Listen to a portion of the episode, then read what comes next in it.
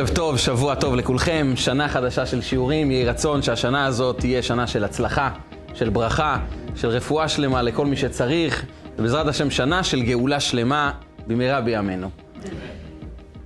מה בסך הכל אנחנו מבקשים? מילה אחת טובה, מחמאה, פרגון, מבט על המאמצים שאנחנו עושים, על ההשקעות שאנחנו משקיעים, קצת התייחסות לזה. גם זה לא עולה כסף לאף אחד. ודווקא הדברים האלו שהם בחינם לומר מילה טובה, פרגון, מחמאה, התייחסות יפה, מכבדת, מעריכה, אוהבת, תומכת, דווקא הדברים האלו, קשה להוציא אותם מבני האדם. לנו בעצמנו קשה לפעמים להחמיא. כאשר אנחנו מקבלים מחמאה, זה אחד הדברים שלא משנה באיזה רמה אדם נמצא, באיזה רמה כלכלית, באיזה רמה חברתית, מה המקצוע של האדם, אין אדם שלא אוהב לקבל מילה טובה, מחמאה. למה זה כל כך חשוב לנו? למה האדם, גם כאשר הוא מכחיש את זה ואומר, לא, לא צריך, הכל בסדר, אבל אם הוא מקבל מילה טובה, איזה פרגון, הוא מאוד שמח, והוא מקבל את זה בטקסט, בהודעה, הוא יקרא את זה כמה פעמים, למרות שהוא הבין מה כתוב כבר בפעם הראשונה. אבל זה נחמד לקרוא את זה. מהי כוחה של מחמאה? מהי כוחה של מילה טובה שאנחנו נותנים לאדם? האם זה רק בגלל שאנחנו רוצים להרגיש טוב? או שיש בזה משהו יותר עמוק? למה זה כל כך חשוב לנו? מה זה נותן לנו? מה העומק של כוחה של מחמאה של מילה טובה? האמת היא שאנחנו פוגשים את זה בפעם הראשונה בפרשת השבוע, פרשת נוח. נוח קיבל מחמאה שאף אחד לא קיבל בעולם. התורה מיד בהתחלה, בתחילת פרשת נוח, אומרת אלה תולדות נוח, נוח, איש צדיק, תמים, היה בדורותיו. זהו. תואר כזה לא קיבל לא אברהם אבינו, לא משה רבנו, גם לא הצדיקים שלפני נוח. היו צדיקים, מתושלח, חנוך, אף אחד לא קיבל תואר של צדיק תמים, למרות שברור שהם היו צדיקים. אבל רק נוח מקבל מילים טובות. ומה הדבר המפתיע בזה? הדבר המפתיע בסיפור הזה שנוח מקבל את ההגדרה הזו של צדיק תמים, זה שלא ברור שנוח הוא בכלל צדיק. ככה רש"י אומר לנו מיד בהתחלה, אלה תולדות נוח, נוח איש צדיק תמים היה בדורותיו. אומר לנו רש"י גדול פרשני התורה, יש מרבותינו שדורשים אותו לשבח, ויש שדורשים אותו לגנאי. יש כאלו מרבותינו שאומרים, נוח באמת היה צדיק. אתם יודעים מה זה לעמוד מול עולם שלם? עולם שלם מושחת, כולם גונבים, והוא לא גונב. כולם מושחתים והוא שומר על עולם ערכים של צדקות, של יושר, של תמימות, של אמונה בקדוש ברוך הוא. מול כל העולם. אין לו חבר אחד. כולם אומרים לו, מה אתה מסכן ככה בבית? בוא תהנה מהחיים. והוא נשאר, הוא ומשפחתו, עומדים בערכים, בתמימות, בצדיקות שלהם. אומרים רבותינו, הוא צדיק בדור שלו, וקל וחומר בכל דור ודור שהוא היה צדיק. הוא באמת אישיות מיוחדת שבכל קנה מידה הוא נחשב לצדיק. ויש כאלו שדרשו אותו לגנאי. אמרו לא, הוא צדיק ביחס לכל העבריינים שחיו בתקופתו. אבל סתם ככה, בדור אחר, הוא היה נחשב לאדם פשוט. ודווקא האדם הפשוט הזה, שיש בכלל ויכוח אם הוא צדיק או לא צדיק, בזמן שעל אברהם אבינו אין ויכוח, על משה רבנו אין ויכוח, על אהרון הכהן אין ויכוח, אבל רק הוא, שיש עליו ויכוח אם הוא צדיק או לא צדיק, הוא מקבל את התואר צדיק תמים. זה קצת נראה לא מסתדר. משהו כאן דורש בירור. למה דווקא נוח מקבל את התואר הזה של צדיק תמים בדורותיו? ננסה להיכנס קצת יותר למושג הזה של שבח. האמת היא שחלק מהתפקיד שלנו בתפילה זה לשבח את אלוקים, את הקדוש ברוך הוא. אדם שפותח את תפילת שמונה עשרה, נדרש לשבח את הקדוש ברוך הוא. זה מה שאנחנו עושים לפני שאנחנו מבקשים בקשות. לפני שאדם אומר, סלח לנו אבינו, רפאנו, ברך עלינו, לפני שאנחנו מבקשים את כל הבקשות הטובות, אנחנו משבחים אותו. הקל הגדול, הגיבור והנורא, מחיי מתים, הקל הקדוש. אנחנו נותנים המון המון שבח לקדוש ברוך הוא. שלושת הברכות הראשונות הן ברכות השבח. וכך אומרים חכמינו, צריכים לשבח, אחרי השבח מבקשים את מה שאנחנו צריכים, ואחר כך מסיימים בהודעה, מסיימים באמירת תודה. למה לפני שאנחנו מבקשים בקשות מהקדוש ברוך הוא, אנחנו צריכים לשבח אותו? חסר לו משהו, הוא מרגיש לא טוב אם לא נגיד לו מילה טובה. אלוקים הרי זו השלמות, זה האין סוף. אין בו חסרונות, זה כוח אינסופי. למה הוא צריך את השבחים שלנו? מה ההיגיון שאדם, יצור, נברא, אדם שנברא בידי הקדוש ברוך הוא, יבוא ויאמר לו, אתה יודע, הקדוש ברוך הוא, אתה גדול. כן, אני גדול, ומה ההבנה שלך בגדלות של בורא עולם? מה היצור נברא, מבין בגדלות של האין סוף? ברור שכל מה שנשבח את הקדוש ברוך הוא, זה דבר קטן אצלו, דבר בלתי נחשב אצלו. הרי כמה שנהיה גדולים, תמיד נהיה מוגבלים. אין אדם לא מוגבל. ואדם מוגבל מבין דברים מוגבלים. וכשהוא בא לשבח את האין סוף, השבח שלו הוא ירוד, רדוד, חסר משמעות כלפי הקדוש ברוך הוא. אז למה חשוב לקדוש ברוך הוא שנשבח אותו? הרי הוא לא צריך להרגיש טוב, הוא חסר, אין בו חסרונות, הוא שלם בכל שלמות. אנחנו גם ככה לא נגיע לשבח האמיתי של בורא עולם, אז למה אנחנו מבזבזים את הזמן לכאורה בתחילת התפילה לשבח אותו שהוא גדול, הוא גיבור, הוא נורא, הוא מחיה מתים, הוא קדוש? הוא לא צריך את זה ואנחנו גם לא באמת מבינים מה אנחנו אומרים. וכנראה שיש עומק במושג של שבח, שלמרות שאנחנו לא באמת נשיג את שבחו האמיתי של אלוקים, למרות שהוא לא צריך את זה, אבל יש כאן פעולה חשובה בעולם שמתרחשת כאשר אני משבח אותו. וכאן צריך להבין דרך נוח, איש צדיק תמים, מה הפעולה שמתרחשת בעולם כשאני משבח. וננסה להרחיב קצת יותר את היריעה. אם אנחנו משתמשים בכוח הדיבור שלנו לטובה, נוצרים דברים טובים, ואם אנחנו משתמשים בזה לרעה, נוצר דברים לא טובים. נוצרים דברים רעים, והחטא הידוע הגדול שעליו חכמינו אמרו, שהוא שקול כנגד עבודה זרה, גילוי עריות ושפיכות דמים, זה חטא לשון הרע. וחטא לשון הרע באופן מפתיע, מי הם האנשים שנענשים על לשון הרע? אומר התלמוד במסכת ערכין, שלושה נענשים. מי שאמר לשון הרע נענש, מי ששמע, שבא לשמוע את דברי הלשון הרע, גם הוא נענש, ומי השלישי? באופן מפתיע אומר התלמוד, מי שדיברו עליו. מי שדיברו עליו גם נענש. כל אדם עומד תמה, מסכן, לא רק שדיברו עליו, לא רק שריכלו עליו, אמרו עליו דברים לא טובים, הוא גם מקבל עונש, איפה ההיגיון? למה? מה הוא עשה? הוא בסך הכל אדם מסכן, שאנשים מרכלים עליו, מדברים עליו לשון הרע, והוא נפגע מזה, למה הוא צריך להיפגע מזה? אם נבין את העומק של המושג של שבח, את העומק של הפוטנציאל, של העוצמה, של הכוח שניתן בדיבור שלנו, נוכל להבין מה הקדוש ברוך הוא רצה לומר לנוח במילים צדיק תמים. נוכל להבין מה אנחנו עושים כל יום בתפילה, כשאנחנו משבחים את הקדוש ברוך הוא, ונוכל להבין מה הפעולה שמתרחשת באדם שדיברו עליו לשון הרע. קראנו כבר בשבוע שעבר שהקדוש ברוך הוא ברא את העולם. איך הוא ברא את העולם? אז כולנו מכירים את הפסוקים, ויאמר אלוקים יהי אור, ויהי אור. ויאמר אלוקים תדשא הארץ דשא, ויצא דשא, וככה אלוקים ברא את כל העולם בעשרה מאמרות, בדיבור.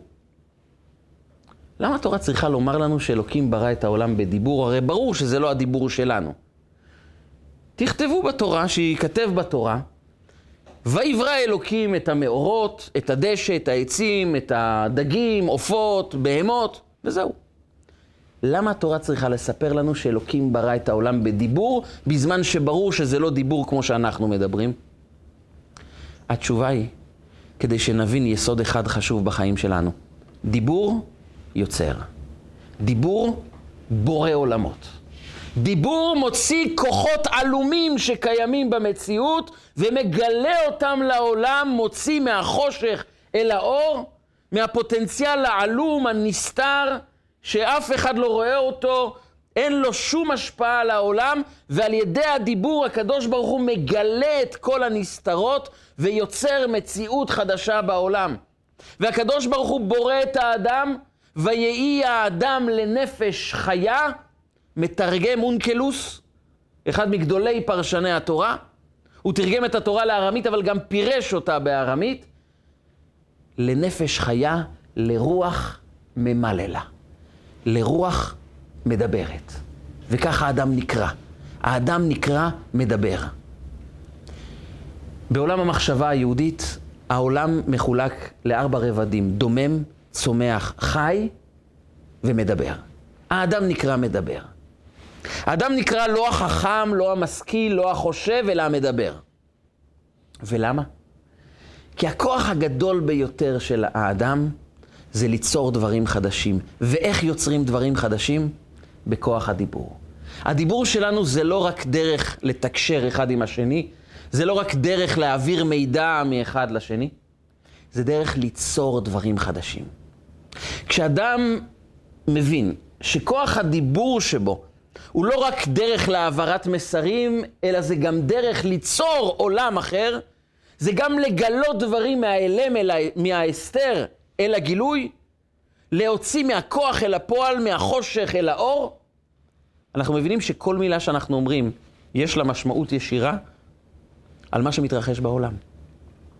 וככה אומרת לנו גם ההלכה. ההלכה מדברת על מקרה שאני חושב שקורה לנו לא מעט. לפעמים אנחנו פונים אל הילדים ואומרים להם, תיזהר שלא תיפול ולא תשבור את הראש שלך. תיזהר אם תתנהג ככה, ירביצו לך, יתפסו אותך, השוטר יעצור אותך, כן? הורים שרוצים לשכנע ילד לחגור חגורת בטיחות, השוטר יעצור אותך, ישים אותך בכלא, אתה לא רוצה להיות בכלא. ואנחנו מתייחסים לזה כאמירה, בסך הכל אמרנו. הכלב יפגע בך, ייפול עליך, אתה תשבור. אני פעם אחת הייתי בנסיעה באוטובוס, היה קצת עמוס, עמדנו ועלו זוג. ואז האישה אומרת לבעל, תתפוס חזק למה אתה תיפול על הראש שלך. אחרי דקה מה קרה? נפל. ואז היא אומרת לו, אמרתי לך שאתה תיפול, למה לא נזהרת? הוא אומר, נפלתי כי את אמרת שאני אפול. היא אומרת, תמיד אתה מחפש אשמים חוץ ממך. והוא אומר לה, לא, אבל את כל הזמן מדברת שלילי. וכ... והם התחילו להתווכח.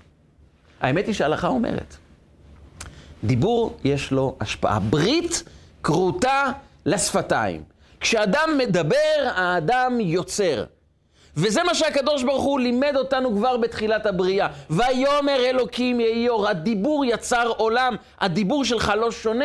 אנחנו נקראים המדבר כי אנחנו יוצרים, אנחנו מגלים. אנחנו מוציאים כוחות מהאלם אל הגילוי. כל הכוחות הנסתרים, שהם קיימים, הם עוצמתיים, יש בהם כוח אינסופי, הם קיימים אבל נסתרים. התפקיד שלנו להבין שבדיבור אנחנו יכולים לגלות את כל הפוטנציאל הזה. אנחנו יכולים לברוא עולמות דרך הדיבור. ולכן יש הלכה מאוד מעניינת, שהרמב"ם, רבי משה בן מימון, כותב בהלכות דעות ביחס למצווה שאני חושב שאם נשאל כל אחד מישראל, מהי המצווה החשובה ביותר עבור החברה שלנו, אני חושב שכולם יאמרו, ואהבת לרעך כמוך. אפילו רבי עקיבא אמר, זה כלל גדול בתורה. אם רק יהיה ואהבת לרעך כמוך, המדינה שלנו תהיה הרבה יותר טובה. החברה שלנו תהיה הרבה יותר בריאה. אבל מה זה בדיוק ואהבת לרעך כמוך? איך עושים את זה? מה זה דורש ממני פרקטית, חוץ מלומר אני אוהב את כולם? חוץ מהשכן שמעצבן. אבל חוץ מזה אני אוהב את כולם. מה זה נקרא לאהוב? איך אני מתחיל לאהוב בן אדם? אז יש לזה הרבה הרבה ביטויים. יש לדאוג שתהיה לו פרנסה, לדאוג לבריאות שלו, לדאוג לכבוד שלו. אבל הרמב"ם, אני חושב בחוכמה מאוד מאוד עמוקה, לפני שהוא אומר שאנחנו צריכים להתייחס בכבוד לממון שלו, לכבוד שלו, לבריאות שלו, אומר הרמב"ם, מכיוון שאדם צריך לאהוב כל אחד מישראל כגופו, שנאמר, ואהבת לרעך כמוך, לפיכך, אומר הרמב"ם, צריך לספר בשבח חברו. זה הפעולה הראשונה. תאמר לו מילה טובה, תספר לו את השבח שיש בו. לך אליו, תגיד לו, אתה יודע, אני רואה בך כוח התמדה, חוכמה. אני רואה בך יחס אישי לכל אדם. אני רואה את הפוטנציאל שיש בך. תדבר איתו על הטוב שיש בו. תשבח אותו. זה ההתחלה. למה? כי הדיבור שלנו נועד ליצור. הדיבור לא נועד עבורנו, אנחנו לא צריכים לדבר עם עצמנו. הדיבור הוא נועד עבור הזולת, אבל לא רק כדי להעביר לו מסרים, אלא כדי לספר לו כמה הוא גדול, כמה הוא חזק, כמה יש בו כוחות. ואהבת ישראל הגדולה ביותר זה לגלות לשני כמה כוחות יש בו, כמה גדלות יש בו. התפקיד שלנו, כוח הדיבור שלנו, נועד כדי לגרום לאנשים לגלות את הגדולה המיוחדת שיש בהם, את העוצמה המיוחדת שיש בהם. לפעמים מה שצריך זו רק המילה הקטנה הזו, שאדם יוכל להתמקד בכוח, בפוטנציאל, בכיש, בכישרונות שיש בו, ולגלות אותם לעולם, ומכאן הוא יכול לעלות מעלה-מעלה, בכוח הדיבור. לכן אומר הרמב"ם, אהבת ישראל זה קודם כל לספר בשבח חברו. סיפר אחד הרבנים ברוסיה, אחד הרבנים החסידיים שהיו ברוסיה לפני 200 שנה, הוא היה רב מאוד מאוד חכם, אבל היה רב מאוד מאוד נמוך. ממש נמוך. ותמיד האנשים בעיירה היו קצת מלגלגים על חשבונו של הרב, שהוא רב חכם, אבל הוא רב של עיר מאוד גדולה, וכולו קטנצ'י כזה, מאוד נמוך. פעם איזה אחד מהליצנים של העיירה אמר לו, כבוד הרב, איך עיר כזאת גדולה ורב כזה קטן? אומר לו, אני קטן, אבל הכיסא גדול. כיסא הרבנות הוא גדול, העוצמות הן גדולות. ואז הוא חייך ואמר, אתה יודע למה יצאתי רב כזה קטן? יש לי חבר שלמד כיתה לידי, והוא יצא כמעט שתי מטר. מה ההבדל? למה הוא יצא כזה גבוה ואני כזה קטן, אתה יודע? אז הוא אמר לו, לא, באמת מעניין, למה? הוא היה סקרן, כי הרב היה לו רעיונות. הוא אומר, אני אגיד לך למה, כי כשאנחנו היינו לומדים, שנינו היינו מקשים קושיות. היינו לומדים מה הגמרא אומרת, מה בעלי התוספות מסבירים, והיינו מקשים קושיות. כשהחבר שלי הקשה קושייה, שאל שאלה, הרב שלו אמר, איזה שאלה של גאון. אתה משה רבנו של הדור שלנו. אתה תהיה אחד מגדולי ישראל, וככה אמר לו מילים טובות, הגדיל אותו, הגדיל אותו, צמח שתי מטר. כשאני הייתי שואל שאלה, היו אומרים לי, מי אתה שתשאל שאלות בכלל? מה, אתה לא מסכים עם בעלי התוספות? אתה לא מסכים עם מה שהתלמוד אומר? איזה מין דברים טיפשיים אתה אומר? הורידו אותי, הורידו אותי, ונהייתי קטן כזה. מילים אחרות, הוא בא לומר, המילים מגדילים, מגדילות. הן נותנות כוח של גדולה לאדם, הן מגלות לכל אחד ואחד מאיתנו כמה גדולה מסתתרת בתוכנו. וזה סיפורו של נוח. נוח היה אדם רגיל. יש מרבותינו דורשים אותו לגנאי. עכשיו, כבר לקרוא את הדבר הזה זו תופעה מאוד מוזרה. שימו לב לקיצוניות. מצד אחד התורה מתארת רק אותו כצדיק תמים, מצד שני, רק עליו דנים אם הוא בכלל צדיק. ויש שדורשים אותו לגנאי. יש שאומרים, לא, הוא אדם פשוט, אדם רגיל, ביחס לעבריינים הוא צדיק. שים אותו בדור רגיל, הוא לא שום דבר. למה בכלל רש"י, למה התורה צריכה לספר לנו שאולי יש פרשנות לא טובה על נוח? מה רע אם נסתפק בפרשנות החיובית? זה מפריע למישהו? כתוב נוח איש צדיק תמים, תכתוב, יש מרבותינו שמלמדים אותנו שהוא צדיק, בכל דור ודור הוא היה נחשב לצדיק. הוא אישיות היסטורית של אדם צדיק. לא. צריכים לומר לנו שיש דעה אצל רבותינו. אגב, לא כתוב רבותינו ברש"י, לא כתוב רבותינו כי רש"י רוצה לרמז לנו שאלה שדורשים לגנאי הם לא רבותינו, רבותינו זה אלה שדורשים לשבח. אנחנו צריכים ללמוד מהדרך להסתכל על הטוב שבכל אחד. אבל בכל אופן התורה מביאה לנו את דברי חכמים שאומרים שגם נוח, יש דעה שהוא לא היה כזה צדיק. למה זה כל כך חשוב? והתשובה היא כי התורה באה ללמד אותנו משהו. היא לא באה סתם לספר דברים רעים, לא סתם לתת פרשנות לא חיובית. במיוחד בפרשת נוח אנחנו דווקא למדים שתמיד צריכה להיות, אנחנו צריכים תמיד למצוא את הדרך לדבר בלשון נקייה. למשל, כשמכניסים את הבהמות לתיבת נוח, אז מכניסים את הבהמות הטהורות, ולא כתוב הבהמות הטמאות, מה כתוב? הבהמה אשר איננה טהורה. למה לא כתוב טמאה? אומרת לנו הגמרא, כיוון שהתורה ביקשה להעריך יותר, אבל להשתמש בלשון נקייה. לא לומר טמאה, לומר אשר איננה טהורה. ודווקא בפרשה הזו, שכל כך מקפידה על לשון נקייה, דווקא אז באים ואומרים לנו, נוח, יש כאלה שדורשים אותו לגנאי, הוא לא כזה צדיק. הוא אדם פשוט, רגיל לחלוטין. למה זה חשוב? זה חשוב כי כאשר אנחנו מביטים על כל הדמויות המפורסמות בתנ"ך, על אברהם אבינו, יצחק, יעקב, משה, אהרון, אנחנו אומרים, אלה צדיקים. יש לנו ייחוס מפואר, אנשים חשובים שהיו לנו בעם, אבל מה זה אומר לי ביום-יום? הם אנשים צדיקים, אני אדם פשוט. באה התורה ואומרת, תדע לך שגם נוח היה אדם פשוט. ותשאל את עצמך איך אדם פשוט עמד מול עולם שלם, מה נתן לו את הכוח? מה נתן לו את העוצמה? איך אדם שהוא אדם פשוט, הוא לא נברא כאיזו אישיות מיוחדת, עומד מול עולם שלם ומכריז, לא, אני לא אחטא. גם אם העולם כולו גוזל וחומס, אני אשמור על הערכים, אני אחיה לבד, ללא שום חבר קרוב. אבל האמת, האמת היא חלק ממני. מה נותן לאדם כוח לעמוד מול עולם שלם? הרי זה לא אנושי לחיות בחיים אחרים מכל העולם. דבר אחד נתן לו את הכוח. הקדוש ברוך הוא בא ואמר עליו, אתה יודע נוח מי אתה? אתה צדיק תמים בדורותיו. אתה אולי מתייחס אל עצמך כאדם פשוט, ואתה אומר, איך אני אחזיק מול כל העולם? הרי בסך הכל אני אדם רגיל, ואדם בטבעו נמשך להתנהג כמו החברה. כאלה אנחנו. אנשים יצורים חברתיים. ואיך נוח יעמוד מול כל הפיתוי הזה להיות כמו כולם? ואלוקים אומר לו, אתה יודע איך תעמוד?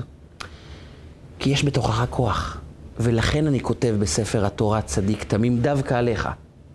כי אני רוצה לגלות לך כמה כוחות יש בך. המילה הטובה זו התמקדות בפוטנציאל הנסתר, הנעלם שיש באדם שמולנו, בילד שגדל אצלנו, בחבר שנמצא לידינו, באנשים שסביבנו. והמילים שלנו יכולות לשנות את מהלך חייהם. במילה אחת טובה אנחנו יכולים ליצור דברים חדשים, כי אנחנו ממקדים אותו בכוחות שיש לו. וזה סוד השבח בתפילה. הקדוש ברוך הוא לא זקוק לשבח שלנו, אנחנו גם ככה לא יודעים לשבח אותו כמו שצריך, אבל כשאנחנו משבחים, אנחנו מגלים בעולם כוח חדש. כאשר אנחנו באים ואומרים, הקדוש ברוך הוא אתה גדול, גיבור, רחום, חנון, מחיה מתים, מקל הקדוש, אנחנו גורמים לכוחות שהן נמצאות כעת, נמצאים כעת ברובד הנסתר. אנחנו דרך הדיבור שלנו מגלים את זה בעולם. אנחנו מאפשרים לכוחות הנסתרים להתממש, להשפיע על המציאות שבה אנחנו חיים, כי דיבור יוצר, דיבור משפיע, דיבור בורא דברים חדשים. וכאשר אנחנו משבחים את הקדוש ברוך הוא, אנחנו בעצם הופכים את הכוחות הנעלמים לכוחות ממשיים שיכולים להשפיע לנו על החיים. היה פעם אדם שהרבי מלובביץ' כתב לו מכתב, ובפתח המכתב הוא כתב לכבוד האיש ירא אלוקים, נחמד ונעים, איש חשוב, נתן לו כל מיני תארים שאנשים הסתכלו על המכתב ואמרו, זה לא בדיוק מתאים לו. הוא לא כזה ירא אלוקים, הוא לא כזה נחמד ונעים, אין בו את כל מה שכתוב כאן. אז מישהו העז ושאל את הרבי מלובביץ', אבל זה לא בדיוק מתאים לו, המילים האלו. אז הרבי חייך ואמר לו, אני לא כותב לו כמו שהוא עכשיו, אני כותב לו כמו שהוא יכול להיות. המילים הם בעצם ההפניה לאדם, תזכור מי אתה. עכשיו, מה שקורה דווקא על רקע החשיבות הגדולה של המילים, זה שלפעמים אנחנו חיים בעולם הפוך. כשילד מצליח במבחן, אנחנו מהללים ומשבחים אותו ומסבירים לו כמה הוא גדול וכמה הוא נחמד וכמה הוא טוב ומגדילים אותו ומפנים אותו לכוחות הגדולים שקיימים בו. וזה טוב, הוא מצליח והצלחה גוררת הצלחה, חוויית הצלחה מושכת עוד חוויות של הצלחה ואז הוא גדל עם ביטחון עצמי, עם מימוש יכולת וככה הוא מגלה את הפוטנציאל שיש בו. ילד שלא מצליח, מה הוא מקבל? המורה מתקשרת להורים ואומרת להם, הילד לא מקשיב, מתבטל, אה, מוסח דעת, משחק, והוא לא מקשיב ולא מציית, ולפעמים מתחצף, ואז אבא לוקח אותו, למה אתה חוצפן? למה אתה מתנהג לא יפה? לא חינכנו אותך בצורה הזאת, הפעם תקבל עונש, מחר תתנהג יותר טוב. אבל רגע אחד, כאן אנחנו צריכים לעצור. דיבור זה לא רק העברת מסרים. דיבור זה יצירה. דיבור זה הוצאת כוח מההיעלם אל הגילוי. וכאשר אני מדבר על תכונות לא טובות, על מעשים לא טובים, על התנהגויות לא טובות, אני בעצם כעת גורם להם לצאת מההיעלם אל הגילוי עוד יותר. אז אם הוא לא הצליח עד עכשיו, כשאני מדבר על הדברים הלא טובים שיש בו, על החסרונות שיש בו, מה מתרחש כעת? כעת הכוחות הלא טובים שיש בו מקבלים יותר מימוש, יותר נוכחות, יותר השפעה על מעגל החיים שבו. אז נכון, אנחנו נמצאים כאן בקונפליקט, מה אנחנו צריכים לעשות? לא לדבר, אנחנו צריכים לטפל בעניין. לדבר זה מגלה בו כוחות לא טובים, אבל דבר ראשון נדרשת מאיתנו מודעות. דיבורים לא טובים על כוחות לא טובים, מגלים, מוציאים מהאלם אל הגילוי עוד יותר את הכוח הלא טוב שיש בו. ולכן דווקא הילד, שזקוק יותר מכל אחרי הכישלון שלו, הוא זקוק למילה טובה, מה הוא מקבל? ביקורת. וביקורת זה מלשון קור, זה מקרר אותו, מנמיך אותו, הופך אותו ליותר קטן. ודווקא אותו אחד שמצליח, מקבל עוד יותר מחמאות, מחמאה מלשון חום, זה מחמם אותו, מגדיל אותו, מפאר אותו, מרומם אותו, ואז אותו אחד שצריך מחמאה מקבל את ההפך, ואותו אחד שפחות זקוק, כולם זקוקים לזה, אבל הוא פחות זקוק, דווקא הוא מקבל יותר מחמאות, וכך אנחנו מגדילים את הפערים, ובמקום לתת את ההזדמנות הטובה לילד שנכשל, הוא מקבל עוד יותר מימוש, ביטוי של הכוחות הפחות טובים שיש בו. ולכן דווקא כאן נדרש מאיתנו, נדרשת מאיתנו היכולת להתמקד בכוח המיוחד שיש בילד. מה הפוטנציאל שיש בו? להתמקד בטוב שיש בו, לגלות את זה, ומתוך זה לומר, מתוך הכוח הטוב שיש לך, מתוך הכישרון המיוחד שיש בך, אתה יכול הרבה יותר. להפנות אותו לכוחות המיוחדים שיש בו. זה מה שהקדוש ברוך הוא ביקש לעשות עם נוח. הוא אמר, אני יודע, אתה לא מהצדיקים הגדולים, לפי חלק מרבותינו. אבל יש בך, גם בתור אדם פשוט, יש בך כוחות. צריך רק דבר אחד. מישהו שיאמר לך מילה טובה, ובדיוק בשביל זה אני פה. לומר לך, נוח, אתה צדיק תמים. אולי לא ידעת מזה, אבל אלוקים בא ואומר לך את המילים הטובות, כי זה מה שייתן לנוח את הכוח, את הפוטנציאל, את האומץ, את היכולת לגלות את הכוח הזה, ובזה נוח עמד מול עולם שלם. וכאשר אנחנו מבינים את הכוח של השבח, השבח הוא בעצם מגלה כוחות. הוא ממקד אותנו בפוטנציאל הגדול שיש בנו, ולכן אנחנו זקוקים למילה הטובה. אנחנו יודעים שמילה טובה מרכזת אותנו סביב הכוחות המיוחדים שיש בנו, ואנחנו זקוקים לשמוע את המילים הטובות שיעזרו לנו להתמקד עוד יותר בכוחות הנסתרים, ביכולת המיוחדת שיש בנו כדי לגלות אותה. ולכן מילה טובה זו לא פריבילגיה, זה לא טוב לב ייחודי לומר מילה טובה, זו אחריות אישית על כל אחד מאיתנו. יש עלינו אחריות לומר מילה טובה, כי המילים שלנו יוצרות. ומילה יוצרת זו מילה מחייבת. כי אם אני יודע שאם אני אומר לאדם מילה טובה, הוא יקבל יותר כוח ואנרגיה להשקיע בחיים שלו, להשקיע בעבודה שלו, להשקיע בחינוך, להשקיע בזוגיות, להשקיע בעצמו. אז אם לא אמרתי, מנעתי חיים מאדם. לא אני אומר את זה, ספר הזוהר כותב את זה. ספר הזוהר כותב את אחד המשפטים המטלטלים ביותר שכתובים בו. הוא אומר, כשם שאדם עתיד ליתן את הדין על לשון הרע שהוא אמר. הרי לשון הרע, הנזק הוא בלתי הפיך. לעתים אנחנו לא יודעים גם למדוד את הנזק שנוצר מלשון הרע. דיברנו רע על אדם, זה מתגלגל מאדם לאדם, ואנחנו לא יודעים כמה נזק גרמנו לאדם דרך לשון הרע.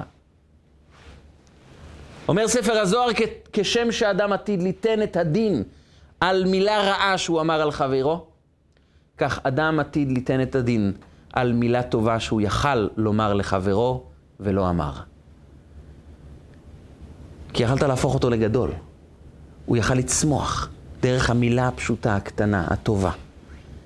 ולא אמרנו לו את זה, והוא הפסיד את כל ההתעלות, את כל היכולת של מימוש הפוטנציאל שיש בו.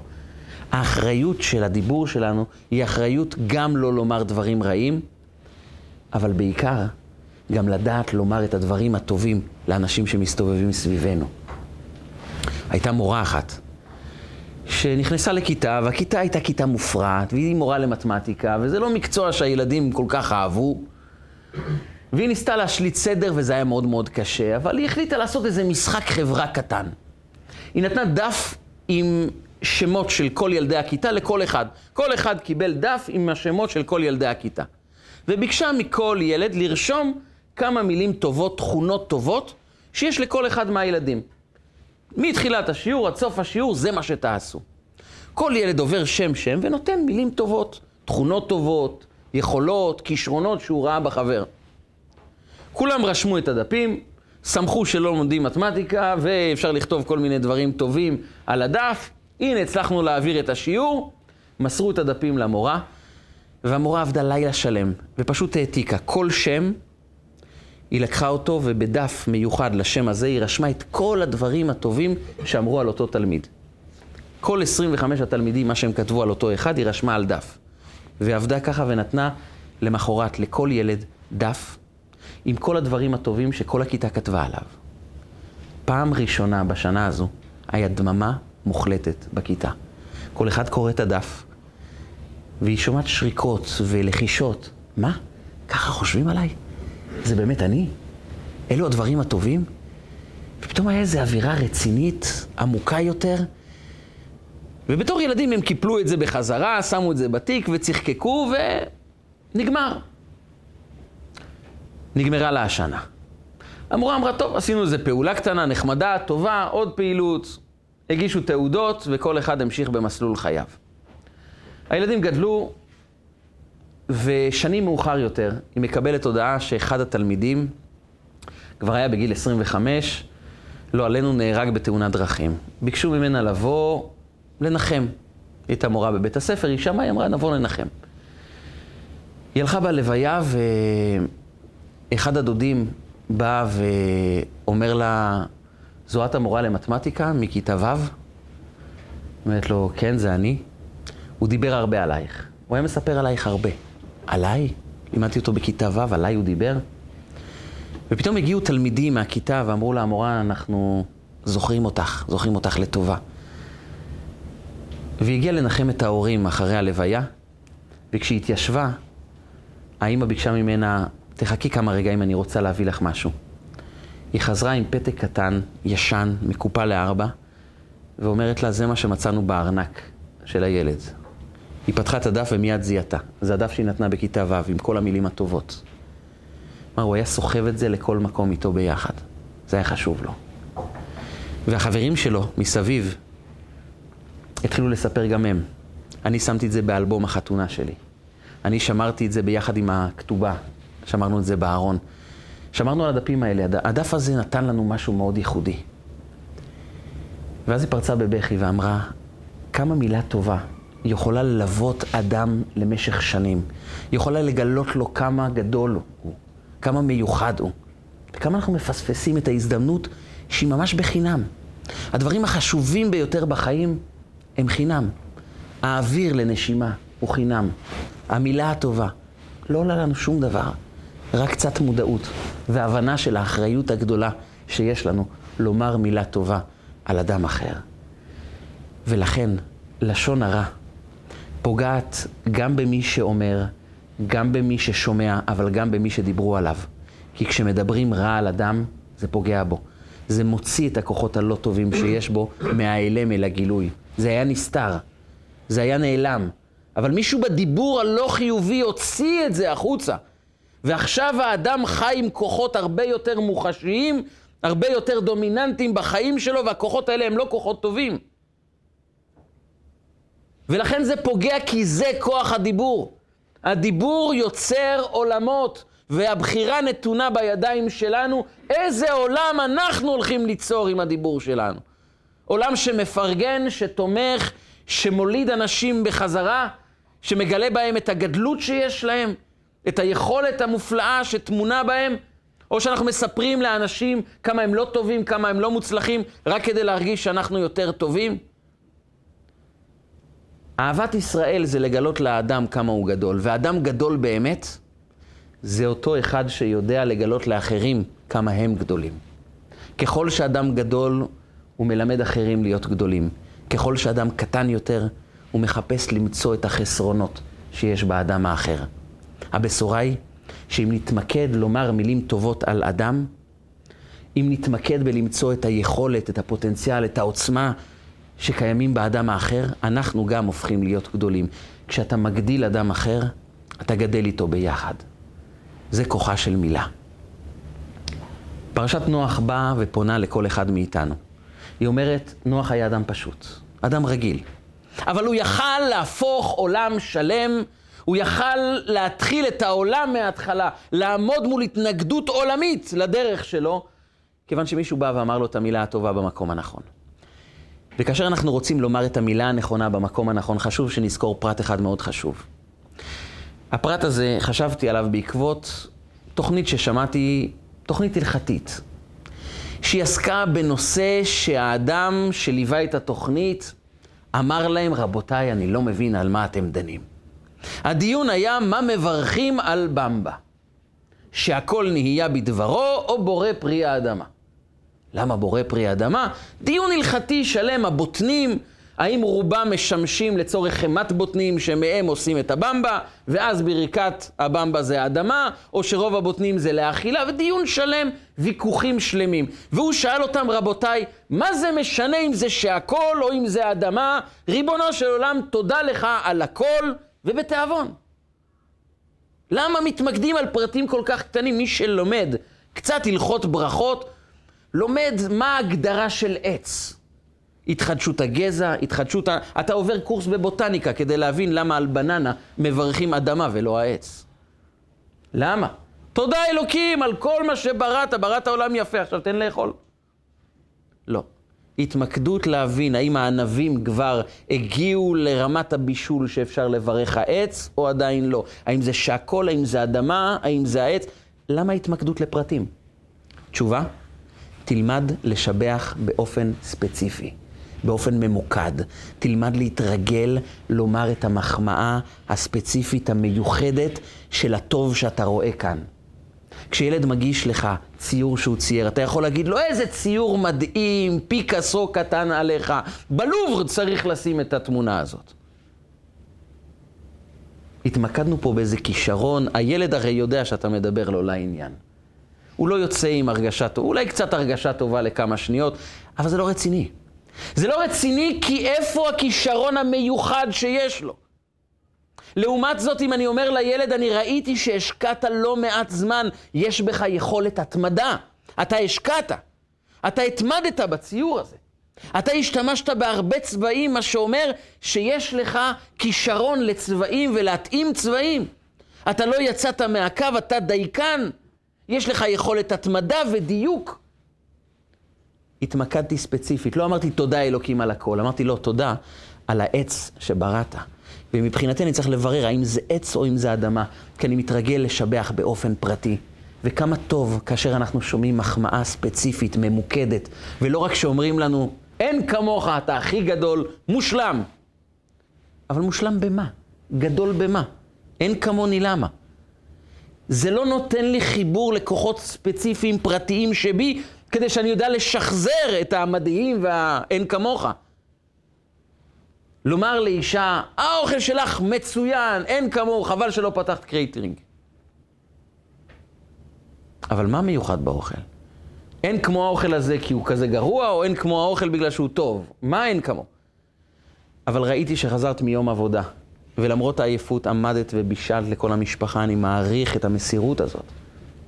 אני מעריך את ההשקעה שלך כל פעם.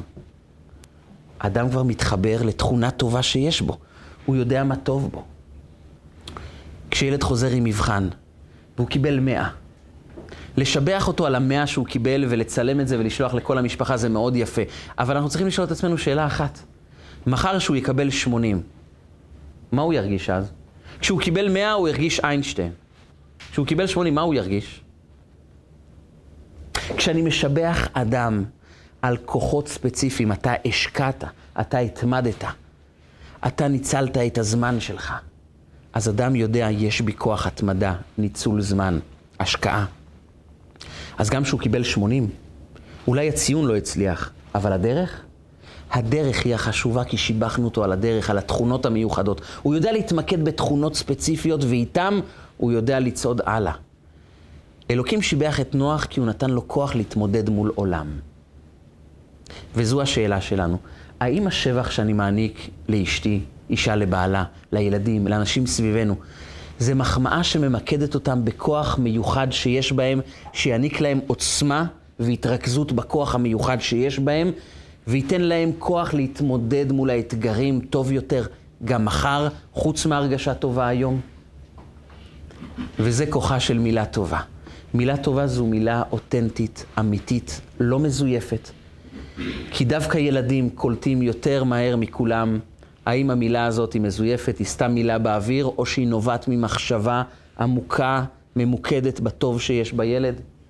זו מחמאה שלא באה לנצל את האדם, כי הכי קל לומר לילד, כמה אתה חמוד, אתה מקשיב לאבא ולאימא תמיד, אתה ילד כזה ממושמע, אנחנו כל כך אוהבים אותך, אין כמוך מתוק. תסדר בבקשה את הסלון. המחמאה מתפרשת כאן כניצול, זאת אומרת, אני כזה טוב כדי לסדר את הסלון. האם אנחנו משבחים את הילד בפני עצמו לא כבקשה, אלא כי באמת אנחנו רואים בו יכולת מיוחדת? המחמאה צריכה להיות אמיתית, ממוקדת בכוח אמיתי שאנחנו התבוננו וכיוונו בזה. ככה גם אומרת ההלכה, כשמשבחים את הקדוש ברוך הוא בשלושת הברכות הראשונות, אנחנו חייבים להתרכז ולכוון בברכות האלה. כי שבח חייב לצאת מלב מרוכז, ולב מרוכז מתמקד בכוח הספציפי שיש לו.